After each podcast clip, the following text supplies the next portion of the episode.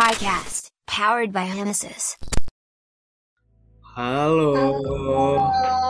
Welcome back to Highcast, podcast by Himasis. Himasis. Oke, udah lama banget nih kita nggak ini ya kak nggak bikin podcast sebulan ke belakang hmm. tampaknya menghilang gitu podcastnya ditemenin sama kita sama gue Aiga Tuh. dan Azin tuh full team kali ini untuk membahas hal yang cukup penting nih buat khususnya ya mahasiswa-mahasiswa di STMI Jakarta yang nantinya mungkin bakal dapat pengalamannya juga gitu.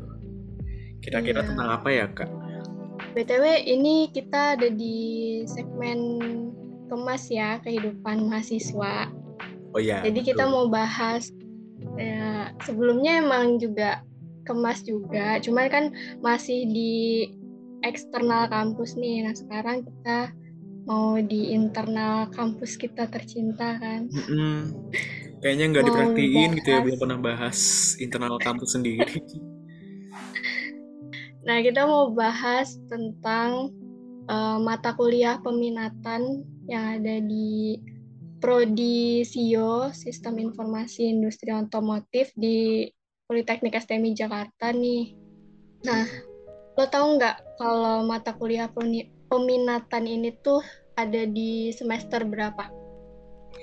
Hmm, di semester, mulai di semester 4 atau 5 sih, Kak? bener bener di semester 4 ya? ada di semester iya semester 4 sama semester 5 jadi uh, cocok nih buat uh, teman-teman yang mahasiswa semester 1, 2, sama 3 buat dengerin podcast ini nanti biar pas semester 4 sama 5 nya nih punya sedikitnya gambaran lah ya tentang Iya betul, udah punya gambaran. Kalau yang uh, ada yang dengerin langsung share aja ke teman-temannya biar pada apa ya berbagi lah gitu sharing kan. Lumayan gitu nah. di sini dibahas jadi semuanya dapat gambarannya gitu. Iya bener. Jadi lebih matang lagi nanti mau milihnya dan gak nyesel. Yeah. Mungkin udah pada nggak sabar nih kak buat dengerin apa aja pengalaman yang didapetin sama dan apa ya dan juga kesannya gitu pada saat uh, memilih peminatan tersebut. Jadi langsung kita kenalan aja kali ya kak sama narasumber iya. narasumber hari ya betul. Jadi ada siapa aja? Yang pertama itu ada dari uh, kadif kita nih di Himasis. Hmm, kadif tercinta Himasis Himasis. Nggak tahu yang nggak tahu kadif itu apa ketua divisi kepala divisi uh, infokom iya ketua divisi infokom ngomong dong kakak. Iya ngomong kak. Halo guys. Assalamualaikum eh malu malu banget. Halo. malu nih. Waduh jangan dong. Nggak gitu coba.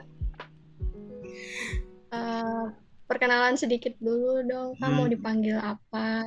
Iya, mau dipanggil siapa? Sayang atau apa? Ya, astagfirullah. Iya, perkenalkan nama gue Rahmat Andika. Uh, biasanya dipanggil Ahmad sih. Uh, buat saat ini gue ngambil peminatan ERP atau Enterprise Resource Planning. Mm -hmm. Oke. Okay, dari, dari kelas Sio 3 ya. dari mana kak? Dari Sio 3? 3. Angkatan okay. 20. Oke, okay. my senior. Nah, terus terus nextnya ke Bang Fajar dulu kali ya. Ya, nih kebetulan Bang Fajar ini caster. Balik lagi. Balik lagi. Nah, Hai. pasti pendengar lama yang dulu dulu sering dengerin Highcast pasti ada yang kangen, kangen deh. banget. kangen, kangen banget. banget sih apa ya uh, jadi caster di Highcast tuh dulu ya. Cuman kayaknya udah pada lupa juga sih ya ini pendengar eh, jangan gitu. Banyak kenangannya berarti yang denger juga lupa iya bener. Kan seru-seru. Betul lagi yang cerita hantu waduh nah, Satu iya, aja ya. Ya TTA. The best. Itu. Oke. Oh iya. kan eh, belum kasih tahu nih kan peminatan ada berapa tadi Eh, mata kuliah peminatan itu kan ada tiga tadi yang IRP itu dari Kak Rahmat terus yang oh Kak Fajar yang apa nih Kak Oh iya, eh, kalau aku sih dari SPK, Nah, Kak Sistem Fajar dari Pendukung SPK Keputusan. Pusat. Ya. Nah, yang ketiga, yang terakhir itu dari eh, mata kuliah peminatan e-bisnis. Nanti kebetulan dari gue yang bakal kasih tahu nih ke teman-teman semua. Nah, Nah, oke. mungkin eh, apa dulu nih? IRP dulu kali ya. Mm-mm, ERP. Mungkin banyak yang dari sebelum masuk perkuliahan juga banyak yang udah dengar istilah ERP di mana-mana gitu ya. Boleh nih buat Bang Rahmat bisa kenapa gitu penyebabnya memilih ERP untuk peminatannya pada awalnya gitu Bang? Ya, Zin, eh, buat ERP atau Enterprise Resource Planning tuh salah satu cabang ilmu di eh, dunia teknologi buat sekarang ya. Eh, kalau pengertiannya tuh ERP merupakan sebuah sistem perusahaan, sistem informasi perusahaan, manufaktur ataupun jasa yang perannya tuh mengintegrasikan atau mengotomatisasikan proses bisnis yang berhubungan dengan aspek operasi, produksi atau distribusi.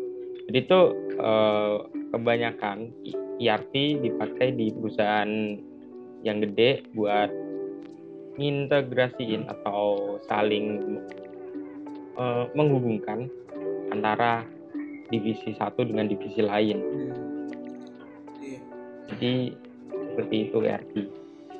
Eh, alasan gue ambil ERP karena jujur ya gue menghindari coding Oh, itu alasan. karena di e-business dan SPK ngoding Oke. ya itu sih salah satu alasannya Salah satu alasan yang umum ya Bang, bukan terselubung lagi ya. Udah umum ya itu ya. ya umum banget umum banget. banyak kan anak ERP gitu ada Iya. alasannya gitu Iya. Jadi di IRP itu belajar apa aja sih? Eh, maksudnya mata kuliahnya dari yang mulai dari semester 4 terus nanti semester 5 lanjutannya tuh apa? Eh, buat semester 4 ERP belajar tentang mata kuliahnya arsitektur enterprise.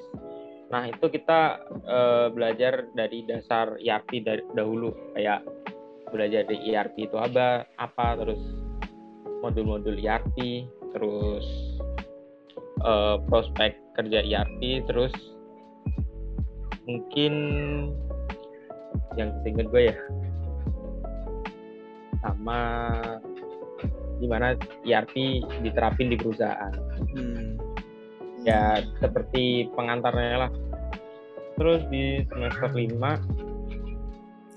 ERP ada dua mata kuliah.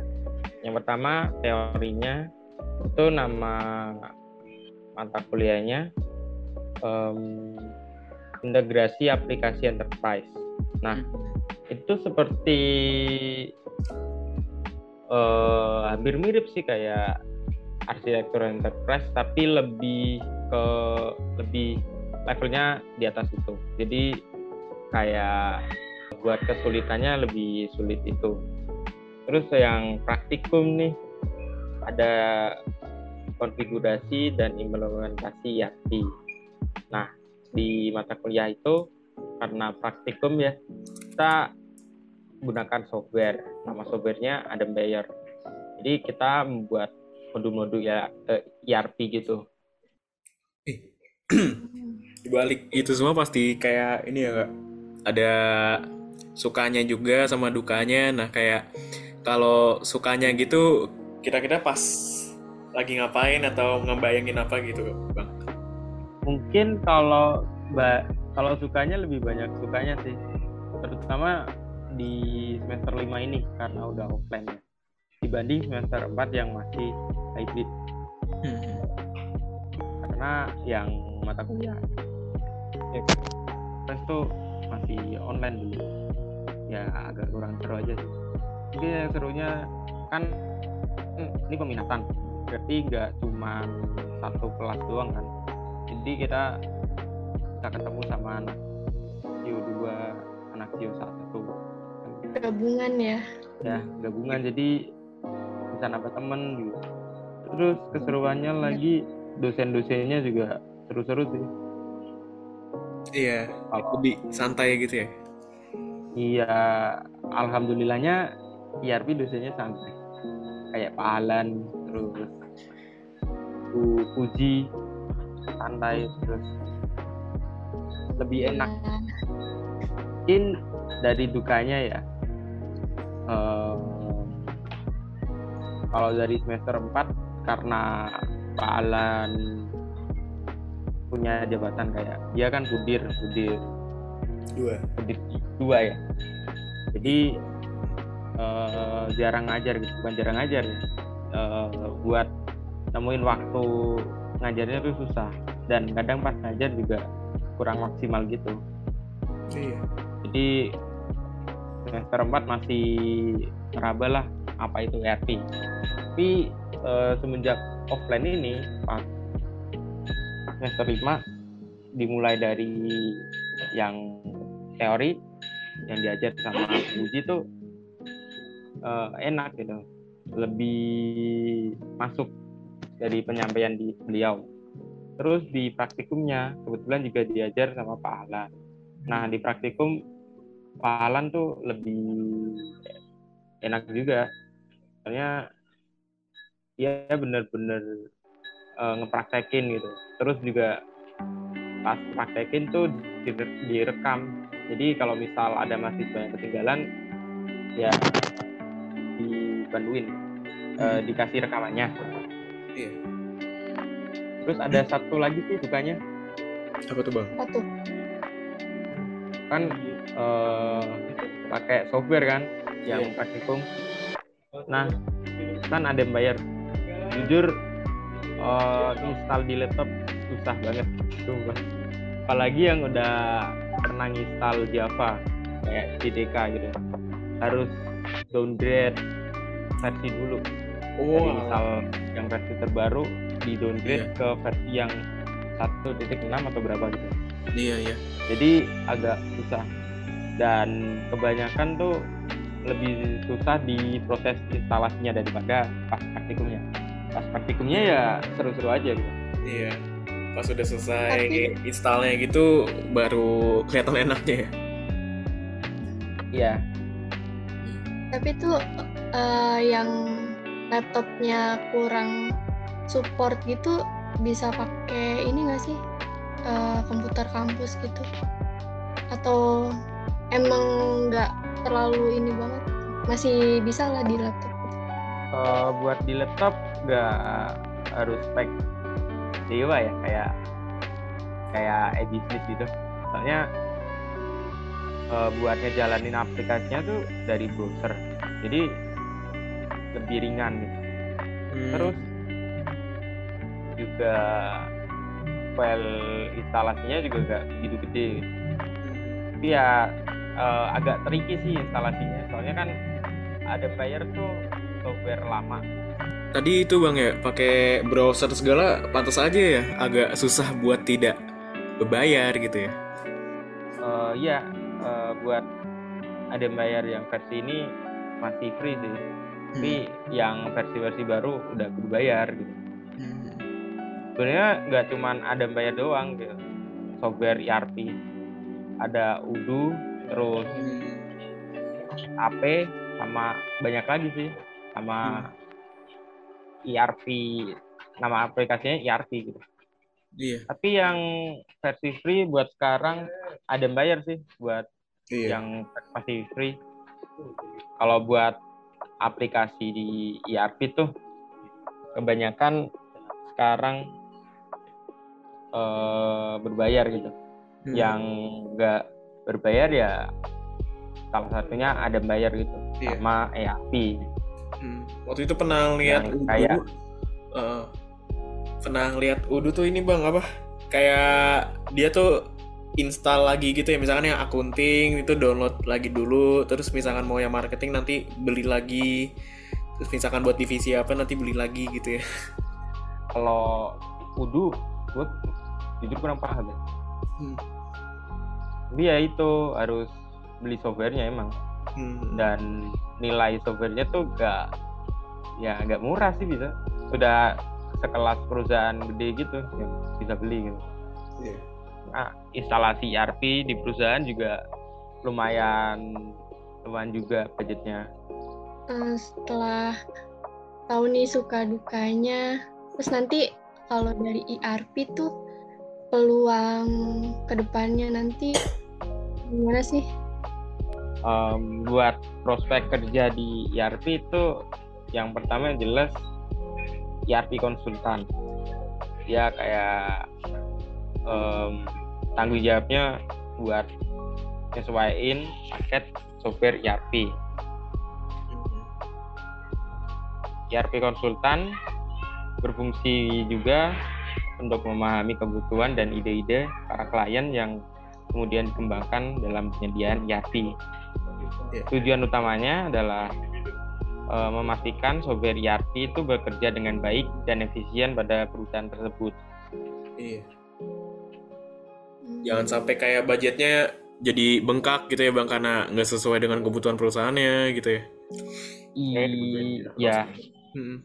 terus juga eh, ngawasin juga ERP ini dapat diterapkan nggak di perusahaan itu. Soalnya dari survei tuh kebanyakan perusahaan eh, yang nerapin ERP itu mengalami kegagalan gitu. Jadi PR-nya ERP konsultan tuh itu Hmm. eh, buat eh, mastiin kalau ERP dalam perusahaan itu berjalan atau enggak.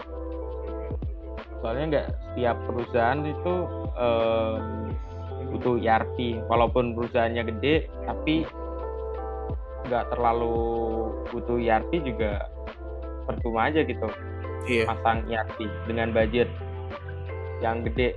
Eh, ini boleh spill budgetnya nggak sih?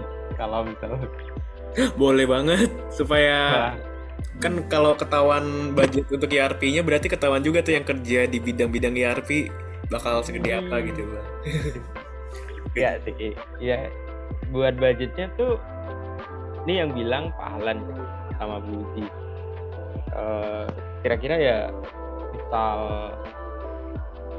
ERP antara 500 sampai 2, 2 miliar. 500 juta sampai 2 miliar. Buat instalasi softwarenya di perusahaan itu. Terus buat biaya per tahun mungkin kayak sewa gitu. Bisa 200 juta gitu. Wih, gede juga ya denger angka-angkanya. Itu kayak mungkin ya Iya. mungkin emang ada pelatihan atau kayak gimana juga ya bang ya. Tapi emang itu sih buat sesuatu yang sudah sebetulnya sesuatu yang sudah berjalan dengan baik ya perusahaan yang sudah berjalan cukup lama gitu kali yang membutuhkannya ya. Ya Eh, fun fact sih buat sekelas Pertamina tuh gagal loh ngimple- ngimplementasiin ERP di perusahaannya Waduh. Berarti ya mungkin ya banyak yang di dalam perusahaan entahlah pasti banyak kendala juga lah ya. Kita tidak pernah ya. pernah tahu juga tuh. Nah bang, eh, kakak gue kan ini bang kerja di Bulog. Gue pernah lihat dia ini ERP-nya kayak pakai nama sendiri gitu. Apa ada emang ini ya eh, penyedia ERP gitu sistem ERP yang open source gitu bang? Itu kakak lu tuh buat sendiri apa emang install software sendiri Ah, eh, kalau dari namanya sih Bulog ERP gitu, mungkin bikin sendiri kali ya. Eh, mungkin aja ya Mm-mm. ya Bulog ngadain proyek gitu buat ERP Hmm, Nah. iya, iya. jadi ada konsultan ERP yang nanganin proyek itu jadi cuman sampai eh, proses pemasangan ERP sampai karyawan-karyawannya udah bisa ngajarin karyawannya lah Iya. buat pakai ERP itu. Hmm. Kayak Biasanya gitu sih. iya, kayak tender habis itu ya udah ngasih pelatihan terus udah dikasihin aja ke bulognya gitu ya. Ya, gitu. Mm-mm. Walah, oke oke. Mungkin kalau dari ERP ini pasti udah banyak yang teman-teman dengar nih di sini. Banyak ada suka dukanya terus juga gimana dosennya ngajarnya sebelumnya perbedaannya antara online dan offline. Kan selanjutnya bakal terus offline nih ya. Semoga ya pasti banyak suka yang didapetin lah dari ERP ini. Nah selanjutnya mau ke apa nih kak? Kira-kira membahas peminatan yang apa nih Kita ke SPK dulu kali ya buat Kak Fajar. ah. Oke. Gimana Kak? Apa itu SPK? Jadi SPK itu adalah sistem pendukung keputusan. Maksudnya apa sih, ya kan? Jadi bahasa Inggris itu Deci- Decision Support System atau DSS. Jadi eh, DSS ini eh, bagian dari sistem informasi berbasis komputer ya, termasuk yang berbasis pengetahuan yang dipakai buat mendukung pengambilan keputusan dalam suatu organisasi atau perusahaan. Jadi eh, ketika perusahaan itu eh, apa ya mau ngambil keputusan, keputusannya itu dalam hal kayak kita punya data nih, ya kan? Kita mau menentukan keputusan dari data yang kita miliki gitu. Nah itu data tersebut kita olah untuk menjadi informasi eh, dan bisa ngambil keputusan dari data yang sudah diperoleh tersebut gitu loh. Jadi eh, eh, SPK sih kira-kira gitu ya eh, bahas apa ya dasarnya lah gitu eh, definisinya. jadi kayak memperhitungkan ini ya bang mungkin ya efek-efeknya dari keputusan yang akan diambil gitu ya juga Nah itu juga sih kayak eh, contoh gini deh, kita mau memilih ketua kelas ya kan. Nah, ketua kelas itu kan pasti kita punya beberapa kriteria. Misal, misal nih ya eh, ketua kelas tersebut cewek atau cowok, Ah, calonnya maksudnya calonnya. Terus eh, nilai ulangannya bagus atau enggak itu. Terus dia umurnya berapa? Terus dia ganteng atau enggak? Bos ini mah ini sih nggak salah aja sih. Ya, ini da- contoh kolomnya aja ya Iya. contoh Iya. kolom dari datanya aja sih. Nah nanti data tersebut itu diolah gitu. Kita biasanya kalau di SPK ya itu pakai Excel. Nah ntar kita juga main rumus tuh di Excel nih. Main rumus buat nentuin dari kolom-kolom yang sudah tidak kita buat tadi kira-kira yang mana nih yang paling cocok buat jadi ketua kelas. Kira-kira seperti itu. Lebih ke hitung-hitungan ya SPK itu. Nah iya sih bener kayak hitung-hitungan. Cuma kita kayak pakai rumus Excel. Soalnya kayak nggak nyaman nggak sih kalau pakai uh, tulis tangan gitu. Ya Iya, Benar-benar Iya, iya. lama sih, lama ya. kayak bermain poin juga gitu ya dari setiap kriteria kayak gitu Hmm, betul, betul. terus tadi kak Aiga mau nanya apa tuh kak Em, berarti di SPK tadi kan kalau ERP eh, belajar apa eh, di semester 4 sama semester 5-nya. Kalau SPK itu apa aja belajarnya? Dari semester 4 terus nanti lanjutannya semester 5 itu apa? Oke. Eh, buat semester 4 itu kan SPK ya, udah jelas lah SPK. Terus buat semester 5-nya ini kita ada dua matkul. Yang pertama itu data mining. Nah, ini yang yang demen data nih, yang suka sama data atau kayak yang ketertarikan sama data lah gitu ya. Itu cocok sini kan.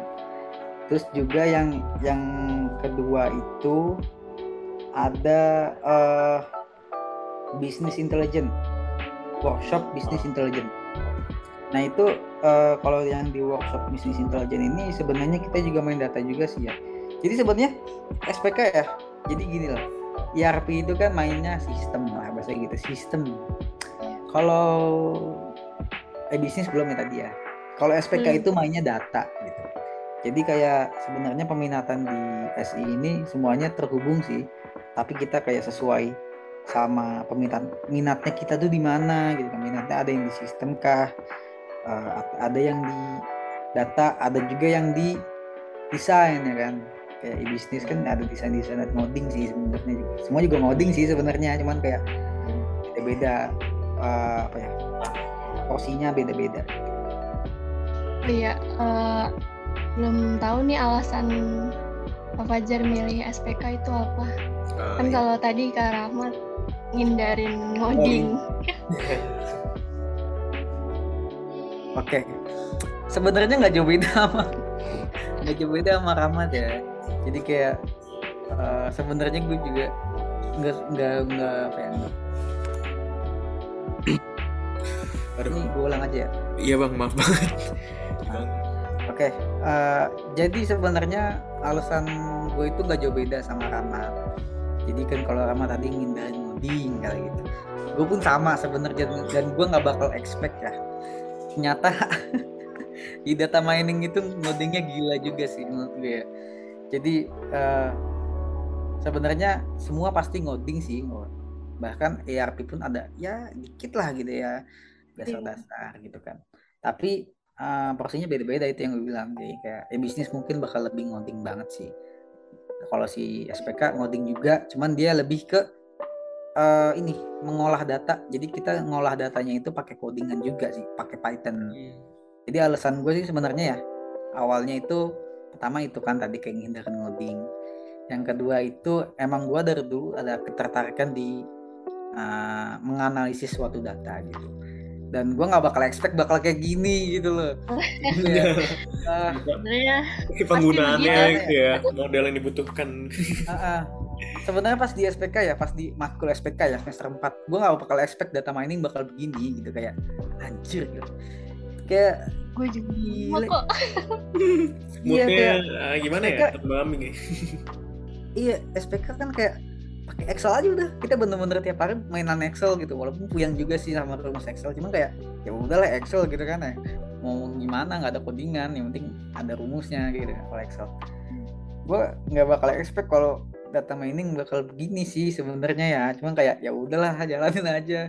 Walaupun sambil nangis nangis nugas nugas sambil nangis eh, biasa lah itu ya.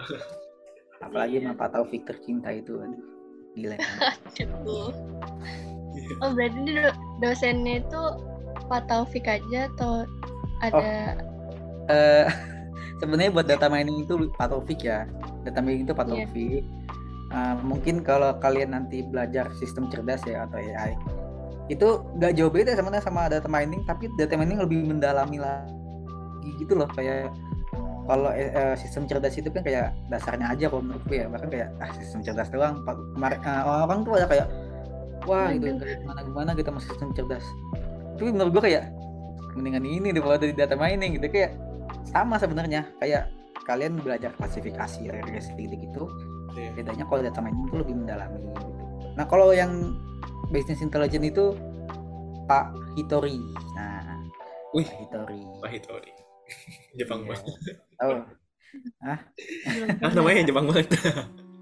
ya, tapi ya, kalau dari nama-namanya tuh misalkan ya didengerin tuh yang bisnis intelijen gak tau ya agak paling serem gitu loh bagi gue. Sebenarnya yang paling serem tuh data mining. Dari data mining ternyata intelijen. Ya.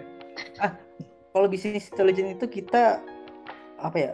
Jatuhnya nggak jauh beda sama analisis, tapi kayak kita memprediksi bis uh, kita tuh gini loh itu mainan data juga jadi misal misal misal ini gue permisalan. Gojek itu butuh evaluasi Gojek butuh pengembangan dari aplikasi atau dari pelayanannya nah Gojek itu memakai bisnis intelijen jadi dia memakai data data-data misal kayak data kepuasan pelanggan data-data uh, apa ya uh, makanan yang sudah diorder gitu. Yeah. itu diolah menjadi suatu keputusan sama-sama juga sih jadi nggak yeah. diolah menjadi suatu keputusan untuk bakal diapain nih Gojek nih nantinya biar apa yang kita makin baik gitu. Yeah. Jadi kayak bisnis intelijen itu ya, itu sama-sama mengolah data juga sama kayak data mining. Bedanya kalau bisnis intelijen tuh benar-benar yang tertuju untuk bisnis tersebut untuk mengembangkan bisnis tersebut Iya. dari data yang sudah diperoleh gitu Hmm. kalau data mining itu ya data mining kita data kita menganalisis suatu data gitulah bahasanya gitu. Tapi ber- pokoknya eh, semua tuh semua tuh berkaitan sih bener-bener kayak berkaitan banget gitu. Jadi kayak nggak bisa tuh kalian sukanya cuma data mining aja nggak suka SPK nggak suka bisnis intelligence. Padahal semuanya tuh bener-bener Iya. kayak kalau lu nggak paham satu lu nggak paham semuanya pasti kayak gitu. Wah, sepertinya di part 1 ini sudah cukup banyak yang dibahas ya teman-teman. Tadi pada saat ERP juga dibahas softwarenya apa aja dan juga implementasinya dalam dunia pekerjaan. Terus selanjutnya tadi SPK juga sudah membahas apa saja yang dipelajari, kemudian eh, masuk ke dalam dunia data mining, business intelligence bahkan sempat memention Gojek. Tapi untuk part 1 sampai sini dulu ya teman-teman. Kalau ingin penasaran dengan kelanjutannya dalam membahas SPK, kemudian membahas peminatan selanjutnya itu is business, bisa teman-teman simak di part 2 episode Highcast kali ini. Semoga di-uploadnya minggu depan dan teman-teman stay tune aja ya di Highcast. Bye-bye!